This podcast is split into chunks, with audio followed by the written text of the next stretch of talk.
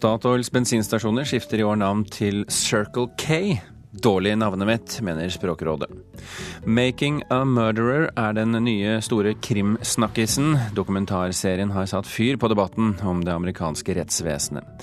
Og anmeldelsene av TV-serien Mammon spriker. Eplekjekt og patetisk, sier Dagbladet, mens Aftenposten triller terningkast seks.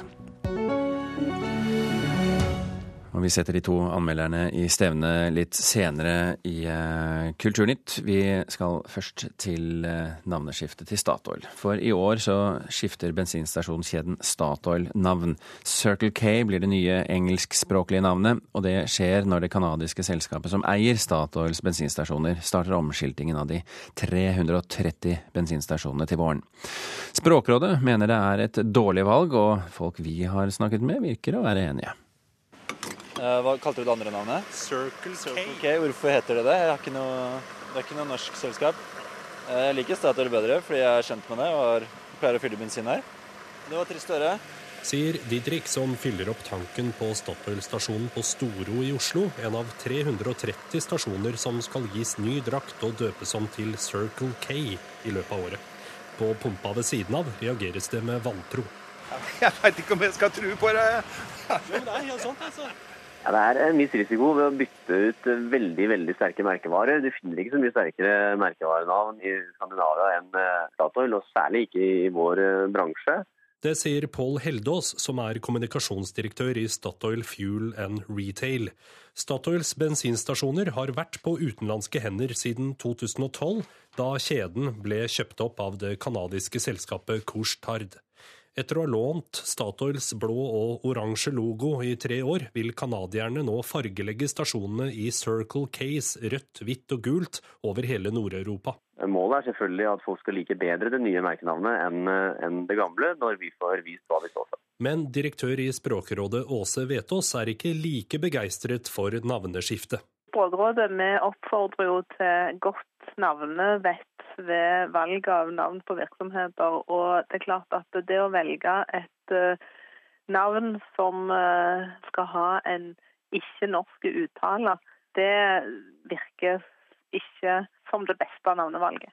Men det var aldri et alternativ å gi landets største bensinstasjonskjede et norsk navn, forteller Heldås. Vi er en del av en, en global eh, kjede, en global prosess.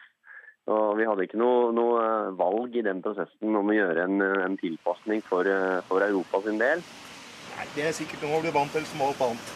Bra liste til eh, bra pris. Ja. ja. Sen hva det heter, det spiller ingen rolle. Vi har en lang historie om å skifte navn på disse bensinstasjonene, og livet har gått videre uten at noen har fått tom tank eller bilen har stoppet. Sier professor ved Norges handelshøyskole Tor Wallin Andreassen. For om bensinstasjonen heter BP, Norol, Statoil eller Circle K, spiller liten rolle når det kommer til hvor vi velger å fylle tanken. I den grad du kan snakke om lojalitet her, så tror jeg det heller er knyttet til en god gammel vane om at eh, bensinstasjonen ligger i den veien du kjører til jobb eller hjem fra jobb, eller på vei til og fra handlinger, til og fra trening når ungene skal hentes.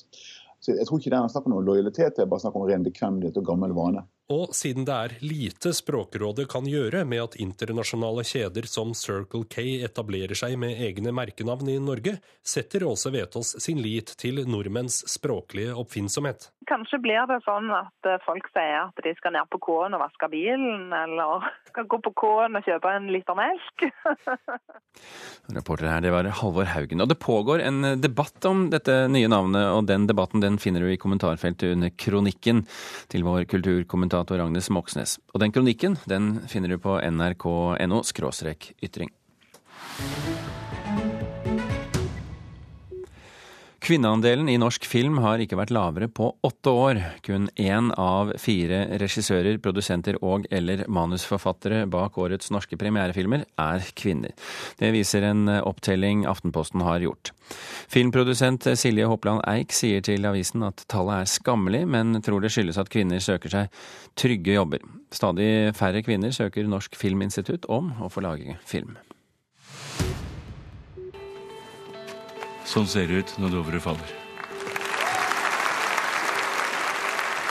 Vi må bli et land som kan leve av kunnskap etter at oljen tar slutt. Dagbladet har et eller annet svært, og det kommer nå. Det har nettopp kommet uttalelser fra deg der du kommer med veldig dårlig karakteristikk av din egen finansminister. Du må komme nå. Han er bitter. Nå. Han er skuffa. Og han er min neste. Dette er, som kanskje enkelte vet, fra TV-serien Mammon 2, som hadde premiere her på NRK på søndag. Dagbladet slaktet serien, Aftenposten hyllet den, og vi syns dette er såpass fascinerende at eh, meningene kan sprike så vidt mye. Derfor har vi invitert både Dagbladets Tom Statsberg og Aftenpostens Torstein Mattum i studio for å klargjøre. Velkommen begge to. Tusen takk. Takk for det. Stalsberg, eh, du kastet en toer på terningen. Hvorfor gjorde du det? Nei, det var mm, Jeg skulle nok ikke ha gjort det når jeg ser på e-posthaugen jeg har fått. Senest i går klokken 3.18 så fikk jeg fra en seer eh, som hadde en diagnose på meg at jeg led av angst. Så det er interessant. Det engasjerer i hvert fall. Ja. Men eh, jeg så fem timer. Jeg så de fem første episodene. Jeg var faktisk ikke noe sånn Noen mener at det, det var fordi at det var en replikk om Dagbladet, som er en liten drittavis. Selvsagt er det ikke det. Det er litt billig poeng. Men jeg kjøpte ikke dramatikken, jeg kjøpte ikke noe av troverdigheten. Jeg ble utrolig lattermild av at alle var så utrolig sinte hele tida. Ingen hadde noe normalitet i det hele tatt, sånn jeg så det. Og da skrev jeg det jeg skrev. Um, vi kommer tilbake til reaksjonene etterpå, Salsberg. Vattum, du så noe helt annet i denne filmen, for du trillet terningkast seks. Tydeligvis. Det var ingen soleklar sekser. Det var en knallsterk femmer som jeg med lett hånd La, la godviljen til. vippet opp til sekser. Faktisk, ja. En, I det ligger også en anerkjennelse av norsk TV-drama, som jeg mener har tatt gode steg fremover de siste årene. Men, Men hva, han snakket om, altså Statsberg snakket om troverdighet. Du ja, kjøpte dette jeg syns dette var troverdig. Dette var intelligent TV-underholdning. Drivende godt fortalt i mitt i mitt hode. Så, mm. du noe, så du noe positivt, Statsberg, i, i uh, Mammon 2? Hvor, hvor spissfindig skal være så tidlig på morgenen Ja, kom igjen. Ok. Ja, men det, altså, her har du utgangspunktet. En haug av de beste norske skuespillerne som har satt i forskjellige roller. Jeg tenkte dette her lover veldig godt. Jeg så også Mammon 1, som jeg ikke anmeldte. Um, som hadde klare svakheter, syns jeg da også, men det var en par rolletolkninger der. Og det var ikke det derre Her gapte de, syns jeg, så høyt. Det skulle Og den var egentlig litt, litt, politisk korrekt. Det er litt sånn Nesten tro at manuset var skrevet av Martin Kolberg og Kristin Clemet. Altså, jeg syns det ble for mye. Jeg, men jeg kjøpte ikke. Jeg, jeg, det som kunne Litt humor. F.eks. at uh, Nils Ole Oftebro, som er politisk redaktør i den andre avisa, Verdens Gang, han kunne ha gjort som i House of Cards, som Kevin Spacey. Titta i kameraet og snakka. Da hadde du fått altså, jeg, jeg, jeg, kjøper ikke karakterene. Et eller annet som sprekker ja, opp alvoret? En eller annen kontrast, fordi jeg syns det ble veldig gravalvorlig. Eh, all mulig honnør for at de vil å kjøre på politisk. Jeg elsker jo snev av Pentagon. Jeg er fiksjonsfrik. Det er, går ikke på det. Jeg vet at det er fiksjon. Jeg skal ikke ha dokumentar. Da ser jeg på 'Making a Murderer'. Men dette her syns jeg rett og slett ble Vattum og flere har nevnt Broen, forbrytelsen, Borgen. Jeg syns ikke når opp til rulleteksten engang. Atum, du eh, må jo også ha vært noe kritisk til det du har eh, sett? til Ja da, det, den er ikke perfekt. Og hvilken serie er det? Jeg gir Statsberg rett i at det, det, humor er ikke Det flommer jo over ikke av, av humor i uh, Mammon. Men jeg syns, jeg syns plottet er troverdig og faktisk mer realistisk enn vi er komfortable med. Hva ved plottet er det du liker? Nei, det er det at man går rett inn i eh, maktstrukturer i samfunnet. Eh, vi ser på pressens eh, makt, vi ser på den politiske makten, etterretningen. Dette er selvfølgelig tegnet med bred pensel for at dette skal bli et TV-drama som underholder, men med tilstrekkelig troverdighet til at jeg i hvert fall henger med. Mm. Mm -hmm. Snakker vi her, Stalsberg, om, om to anmelderes personlig mening, eller er det noen kriterier som ligger til grunn her, som du har lent deg på? Det som er, som Hvis man ser på det perspektivet presse som vi blir beskyldt for å gå i flokk, og det gjør vi nok ofte, så gjør vi i hvert fall ikke det her. Mm. Det er ingen av anmelderne som sitter og snakker sammen. Vi har sikkert for, forskjellig erfaring, bakgrunn, sett forskjellige ting. Hva, det går jo til syvende og sist, og det er jo, som Torstein har sagt, det er ikke noe eksakt vitenskap. Vi har våre parametere. Eh, og jeg syns det er suverent, jeg. Og for Mammon to sine skapere må det være helt Vi sitter her og snakker om det. Dette er jo som i gamle dager. Ett folk, én kanal. Før vi runder av her, du nevnte, ja. du nevnte reaksjonene, at du knapt har fått så mye reaksjoner Nei, det har jeg ikke. på en annen Det engasjerer, og det engasjerer seerne. Ja, men hva er det de sier, de som, eh, som gir deg tilbakemeldinger? De er eh, ja, som sagt, Jeg fikk en diagnose i natt, det må jeg bare leve med. Da svarer jeg tilbake at det er fullstendig ålreit. Og så er det seere som er ganske høflige. Bare sier at jeg og min kone likte dette, du bommer. Mm. Og så er det de som er mye sintere, men de behøver ikke nevne det. Det er nok av de som er sinte hele tida og skal ta Dagbladet og hva er agendaen. Men det, det, sånn er det. Har, har, du fått noen reaksjoner, Vattum, på din sexy? Jeg har fått eh, en del uh, mail og henvendelser. De aller, aller fleste er positive. Men jeg har ikke også fått høre at rimeligvis da, at jeg har vært for snill. at at eh, Mammon 2 har, eh, har, de samme svakhetene som eneren hadde. Eh, til det er det å si at vi, vi, anmeldte jo eneren for to år siden og ga den en femmer. For meg, Det var ikke jeg som anmeldte. For meg ble det logisk å gi gå et et knepp opp? Et knepp opp, slik jeg eh, opplever toeren. Nå gleder vi oss til Mammon 3. ja, vi får se hva Aftenposten gjør da. Ja, det sprenger grensen. Stalsberg, du har litt mer å gå på. Eh, ja. Ikke så mye nedover, riktignok, men, eh, men dog. Stalsberg og Vattum fra Aftenposten og Dagbladet, tusen hjertelig takk for at dere kom til Kulturnytt. Takk. Klokken den har blitt 14 eh, minutter over eh, åtte og enda litt eh, til. Du hører på Kulturnytt, og dette er toppsakene i Nyhetsmorgen nå. Høy dollarkurs kan gi en prisbombe på det norske kampflyprogrammet. Forsvarsanalytiker Jon Berg sier at Norge bør vurdere å utsette kjøpet av noen av flyene inntil vi kjenner totalkostnaden. Politiet i Oslo har funnet en mobiltelefon nær boligen til mannen som er siktet for drapet på den prostituerte Galina Sandeva. Den siktede 24-åringen innrømmer at han er knyttet til saken, men nekter straffskyld. Og ledelsen i Malvik kommune i Sør-Trøndelag vil likevel ikke anke en dom som tilkjente en 25 år gammel kvinne erstatning etter langvarig mobbing på ungdomsskolen. Kvinnen sier at hun er svært glad for å slippe omkamp i retten.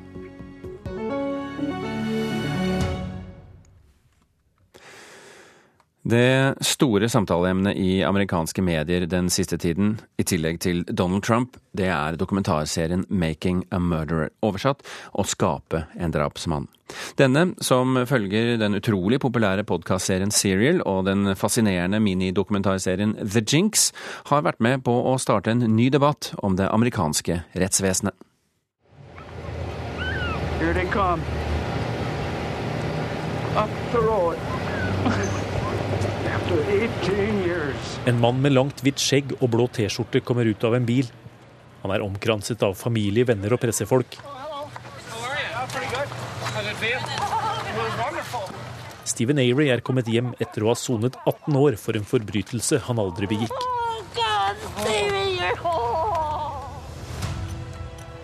Slik starter 'Making a Murderer'. Men etter at DNA-bevis har renvasket ham for voldtekten han feilaktig var dømt for, tar historien en plutselig vending. Når Avery saksøker myndighetene for 230 millioner kroner, blir han tiltalt for en ny forbrytelse. Denne gang for drap. I'm innocent. I didn't do it. Siden serien ble sluppet på Netflix for drøyt to uker siden, har den fått eh, svært stor oppmerksomhet i både sosiale og tradisjonelle medier, og den har på ny satt fyr på debatten om det amerikanske rettssystemet. No one ever intended to do anybody any harm by this. Uh, uh, we firmly believe that we had the uh, guilty party at the time. Suksessen til Netflix-serien kommer etter at podkasten Serial og TV-serien The Jinx for alvor har vekket folks appetitt på kriminalhistorier fra virkeligheten. Og nå følger også fiksjonen opp. Senere i vinter starter American Crime Story, en ny dramaserie om rettssaken mot OJ Simpson. Samtidig fortsetter dramaet rundt 'Making a Murderer'. Mens serieskaperne mener de har sitt på det rene, kritiseres de nå av involverte påtalemyndigheter og politi. Både for å ha tatt part i saken, og for å unnlate å vise viktige sider ved den. Det var eh, Gjermund Jappé som hadde laget denne saken. Dokumentarfilmskaper Tommy Gulliksen, eh, velkommen til Kulturnytt. Takk for det. Du har uh, brukt jula til å se deg gjennom disse ti timeslange episodene av 'Making a Murderer'. Er det en bra serie? Det var vel ikke planlagt å bruke ti timer på det jula, så det, det sier det meste om seriens kvaliteter at du rett og slett legger alt annet til side og, og bare må se det ferdig. Hva er det som driver deg gjennom? Det er jo selvfølgelig rettferdighetssansen eh, når en mann så åpenbart blir eh, utsatt for et justismord en gang i livet og soner 18 år, og så blir involvert i en ny drapssak, så, så er det klart at du engasjerer deg. Og du, du bryr deg om hans skjebne. Har du på noen tidspunkt i løpet av disse timene forståelse for det amerikanske politiet og rettsvesen? Det er jo kanskje noe av det som driver serien mest. Det er jo den, det sinnet og frustrasjonen man som ser opplever eh, overfor eh, rettsvesenet eh, og, og, rettssikkerhetens eh, tilstand i USA. Og, og, jeg tror nok ikke jeg er den eneste som har opplevd nesten å sitte og skrike til skjermen. Men er dette også noe av seriens problem? At, eh, at du får en sånn eh, klokkeklar partisk fremstilling? Som dokumentarfilmskaper så må jeg forsvare retten til å lage subjektiv dokumentar. Det syns jeg er veldig viktig. Eh, og jeg syns også det er viktig å engasjere publikum. Og så vet jeg også at eh, noen ganger så er det ikke alltid at publikum er opptatt av det du vil at de skal være opptatt av. Så hvis du lager en serie om rettssikkerhet, så kan det godt hende at seeren blir vel så opptatt av eh, en mordsak og selve mordsaken, ikke om bevisene er gode nok, men om de gjorde det. Og det er to forskjellige ting, og det er noe av det jeg opplever som kanskje er det som har blitt diskutert, og er det problematiske nå i ettertid. Da. Ja, hva, hva, eh, hva, kunne man gjort for å fremstå med en, en bedre balanse? Nei, så, og, og, eh, bare så det sagt, vi, vi, tar ikke, vi, tar ikke, stilling til, eh, til skyldspørsmålet i saken, vi bare fremstillingen av den. Ja, jeg tror jo selvfølgelig, Så, så igjen så, så, står filmskaperne fritt til, til hva de ønsker å fokusere på. Og åpenbart så ønsker de å fokusere på på eh, rettssikkerheten og rettstilstanden i, USA, og med rette.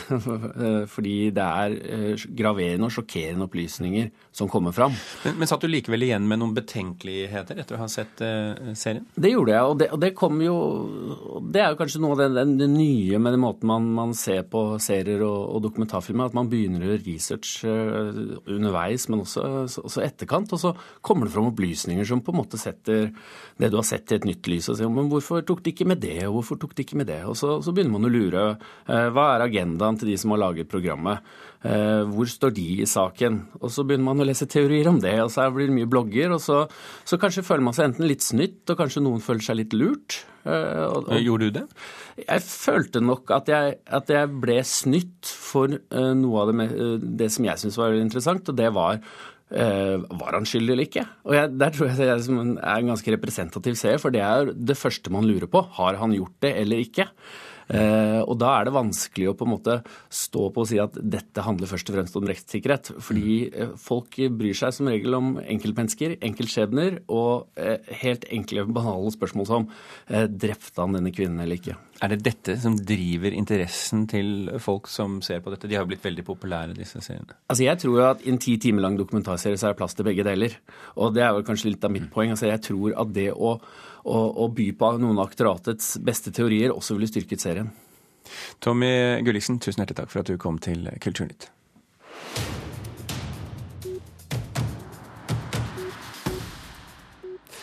Et nytt år står for døren, og vi skal se på hva teatrene har å by på for å varme frosne januarsjeler nå utover året. Karen Frøsland Nystøl, teaterkritiker her i NRK, velkommen til Kulturnytt og velkommen til et nytt år.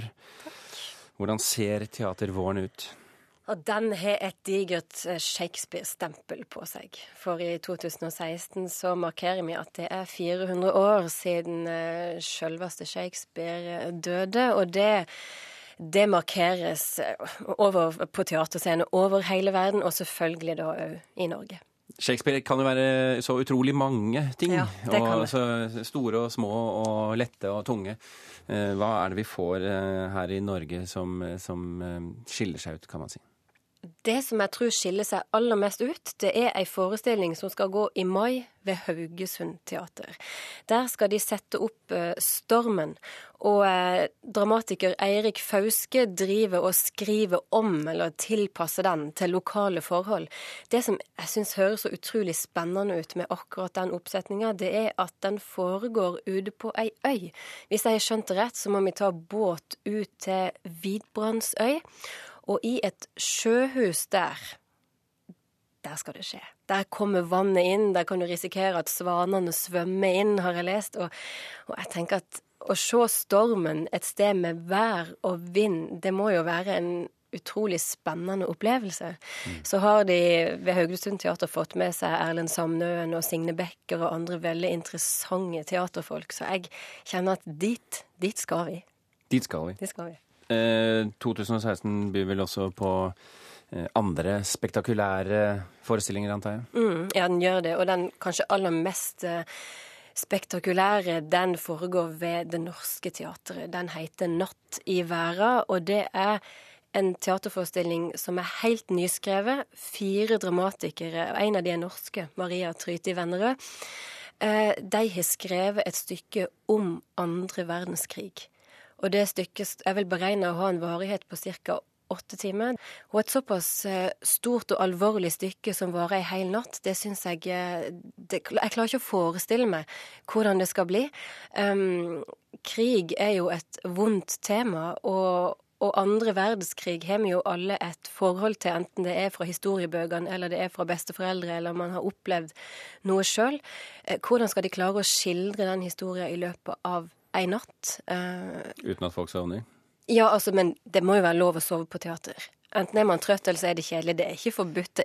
Man har en billett, og man er der. Så det tenker jeg, det er helt greit. Jeg noterer meg det. Men, uh, men, men det stykket der, det, det, ser jeg fram til med, med gru og glede. Men det er andre store ting også. Eh, vi må ikke glemme f.eks. Liv Ullmann, som er i, i farta på Nationaltheatret. Ja, hun er ganske snart i farta òg. 9. januar så har Enskilda samtale urpremiere ved Nationaltheatret.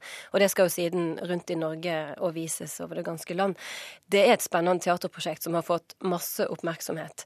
Uh, og det er klart, det ser jeg òg fram til. Men altså, hvis vi skal snakke om krigen, så må jeg bare nevne at i Bergen, på Den nasjonale scene, så setter de opp et stykke basert på Nordahl Grieg sin Vår ære over makt. Det heter Vår ære skråstrek Vår makt, og der har annet eh, den dobbelte Ibsenprisvinneren Cecilie Løveid vært inne og um, arbeider med Nordahl Grieg sitt manus, så der òg finner vi noe spennende relatert til krigen. Og det er så gøy at Cecilie Løveid spilles i Bergen igjen. For å oppsummere, i den grad vi kan kalle det en oppsummering, eh, er det andre ting vi må få med oss før vi setter punktum? Ja, ja, vi må få med oss verkproduksjonen og sin nye forestilling ved Black Box Teater, f.eks. Wishful Beginnings. Og så er jeg sjøl spent på hva Ingrid Lorentzen kommer opp med i operaen når hun gjør Anna Karenina til eh, ballett. Ja. Eh, hun har jo gjort Ibsens gjengangere før. Den var veldig fin. Og jeg eh, Det er mange teatre som har gjort Anna Karenina i det siste, men som ballett har ikke jeg sett den før, i hvert fall. Så det, så det gleder jeg meg til. Og så syns jeg det er litt hyggelig at Det Norske Teatret setter opp et eventyr, 'Kvitebjørn kong Valemon'. Syns det er litt hyggelig at de, at de har noe til barna som er stort og vakkert, og håper jeg da i hvert fall. Og litt spennende. Karen Frøsland Nystøl, eh, flere av de tingene du har snakket om nå, kommer du helt sikkert tilbake i eh, studio for å anmelde, og det gleder vi oss til. Takk for at du kom i denne omgang. Med incestuøse søskenforhold og The Queen's English som talespråk har kringkastingsgiganten BBC satset stort på en fjernsynsversjon av russiske Leo Tolstojs Krig og fred.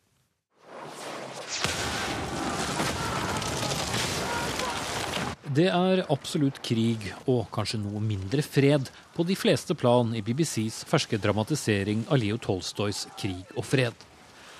Boken som ble gitt ut for snart 150 år siden, er dramatisert flere ganger. Både på fjernsyn, på kino og på scenen.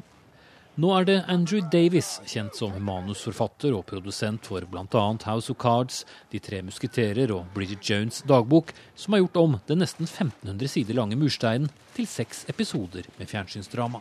Monster Bonaparte, he's crossed into Austria now, and who's to say that Russia won't be next? No, no, no. Serien som har premiere på NRK1 i kveld, har i likhet med boken et svært rikt persongalleri. Det er mange familier involvert, for ikke å snakke om en mengde agendaer. I try to remember him, but somehow his face doesn't come. Lily James, kjent fra både Downton Abbey og Askepott, spiller Natasha Rostoffa, som er en sentral del av historiens trekantdrama. Da NRK traff henne i London nylig, fortalte hun at hun verken hadde lest boken eller sett noen av de gamle dramatiseringene.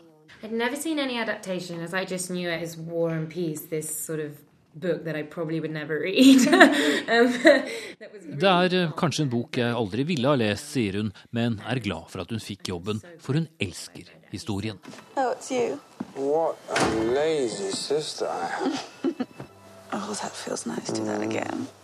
En mulig kontroversiell del i BBCs dramatisering er en langt sterkere hentydning enn i boken om at historiens fem fatal, Helene Koragin, har et seksuelt forhold til sin bror Anatol.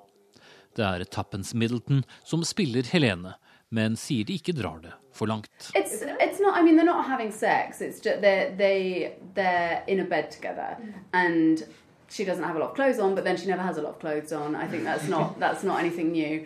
De er i sengen sammen, men vi ser aldri at de har samleie, sier hun. Sist gang BBC laget TV-drama av Tolstoys 'Krig og fred' i 1972, så ble det til et 15 timers langt drama. Nå er det nede i seks. As an illegitimate son, you mustn't expect to. TV-serien hadde premiere her i Storbritannia sist søndag kveld, på samme tidspunkt hvor britene er vant til kostymedrama, enten det er Downton Abbey eller noe annet. Kritikerne har jevnt over vært begeistret over hvor mye produsentene har fått ut av det til tider svært tunge og innviklede familiedramaet til Leo Tolstoy. Det eneste flere har poengtert, er at til å være russisk, så er dette blitt veldig engelsk. For det er knapt en eneste russisk stemme å høre noe sted, til tross for at mye av filmatiseringen har skjedd i bl.a. St. Petersburg. Espen Aas, London. Og Krig og fred begynner på NRK1 i kveld. Kulturnytt er slutt. Vidar Sem og Birger Kolsrud Aasund takker for følget.